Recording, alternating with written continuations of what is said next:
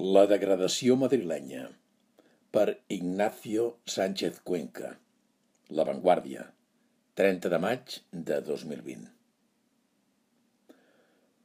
Des de començaments de segle, Madrid ha experimentat un procés de transformació econòmica accelerada.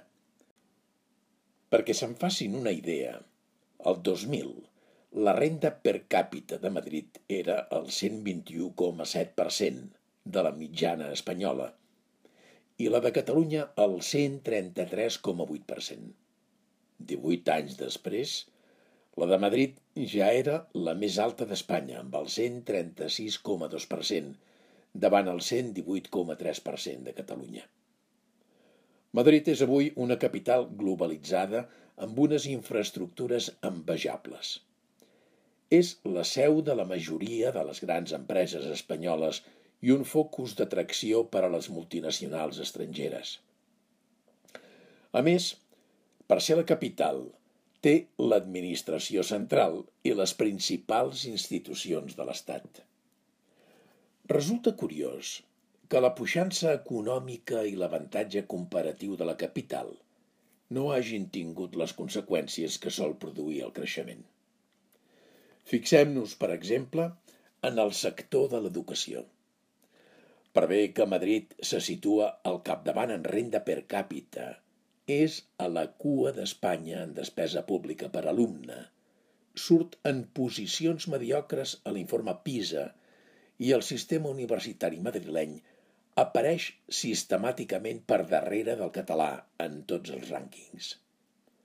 S'obtenen resultats similars, per exemple, en sanitat. Madrid és la comunitat autònoma que menys inverteix en salut per habitant, després d'Andalusia. Per què el desenvolupament econòmic no s'ha traduït en millors resultats socials? La resposta, evidentment, està en la política. La regió de Madrid s'ha tornat molt conservadora. Les classes mitjanes i mitjanes altes – donen suport majoritàriament a les polítiques neoliberals del PP des del 1995. L'hegemonia de la dreta resulta indiscutible. Hi va haver només un moment de perill en les eleccions autonòmiques del 2003, quan, enmig del desgast del govern d'Aznar, el PP va perdre la majoria absoluta – si bé va aconseguir mantenir-se en el poder gràcies a una trama d'empresaris afins al partit que van posar els diners per comprar dos diputats del PSOE. Des d'aleshores, el suport dels madrilenys a la dreta ha estat aclaparador, malgrat una llista interminable de casos de corrupció amb nombrosos alts càrrecs a la presó. La llista dels últims presidents autonòmics fa vergonya aliena. És difícil entendre que una regió tan avançada com Madrid hagi tingut al capdavant Esperanza Aguirre, Ignacio González, Cristina Cifuentes, Àngel Garrido i ara Isabel Díaz Ayuso, la deixeble més avantatjada del trampisme a Espanya. Tots ells han estat protagonistes d'escàndols pintorescos. El dretanisme d'una majoria de madrilenys crida l'atenció fins i tot en termes comparats. Com José Fernández Albertos ha assenyalat, els partits de l'extrema dreta solen obtenir percentatges baixos de vot a les grans capitals europees, bastions del cosmopolitisme i l'ecologisme, amb la vistosa excepció de Madrid. Per exemple, a París en la segona ronda de les presidencials del 2017, el suport al Front Nacional es va quedar en el 10,3% davant el 33,9% en el conjunt de França. A Madrid, en canvi, en les eleccions generals de novembre del 2019, un 16% del vot va anar a parar a Vox, una mica per sobre del 15% a tot Espanya. Estic segur que hi ha factors d'economia política que expliquen una part del conservadorisme madrileny. els grans suburbis de noves classes mitjanes, l'avenç de la sanitat i l'educació privades, l'aspiració de moltes famílies de l'antic cinturó vermell de Madrid de beneficiar-se de l'economia globalitzada madrilenya, etc. No obstant això, crec que també cal tenir en compte factors culturals i ideològics.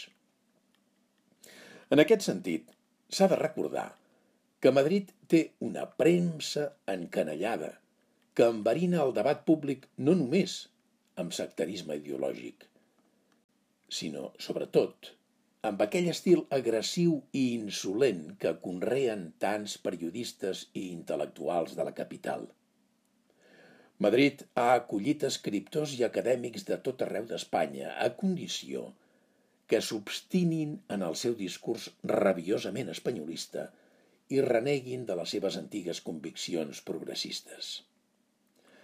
A la xarxa conservadora de fundacions, universitats privades i escoles de negocis, tots ells troben múltiples fòrums on promoure la ideologia i els valors d'aquesta dreta que es veu a si mateixa liberal i moderna.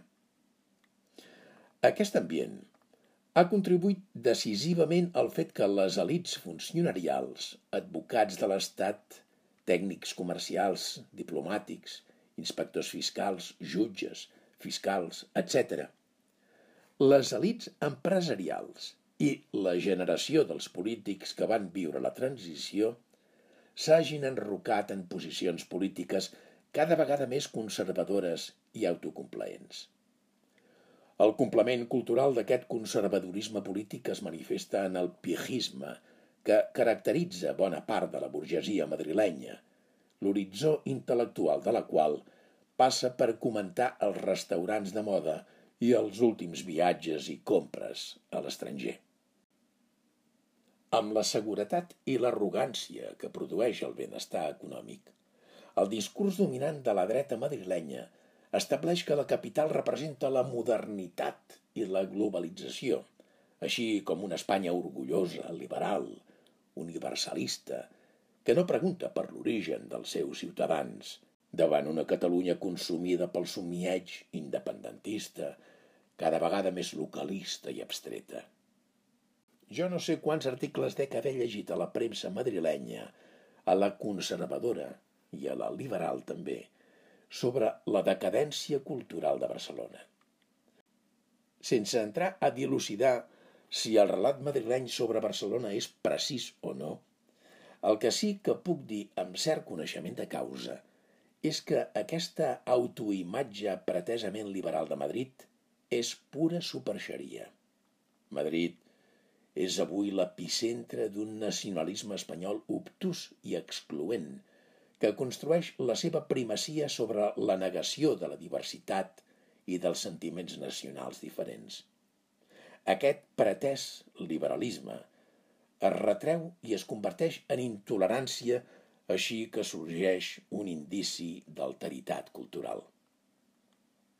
Voldria subratllar que hi ha molts aspectes de la ciutat que em semblen admirables. La vitalitat bulliciosa, la diversitat, l'hospitalitat, fins i tot entenc que es valori l'exotisme que una capital europea mantingui l'estil de vida pijo tan característic de Madrid. Però em produeix una barreja de malestar i vergonya que una capital amb el poder econòmic de Madrid hagi desaprofitat els avantatges del seu espectacular desenvolupament, acontentant-se amb unes institucions corcades per la corrupció, uns serveis socials deficients, i una esfera pública tòxica i de baixa qualitat.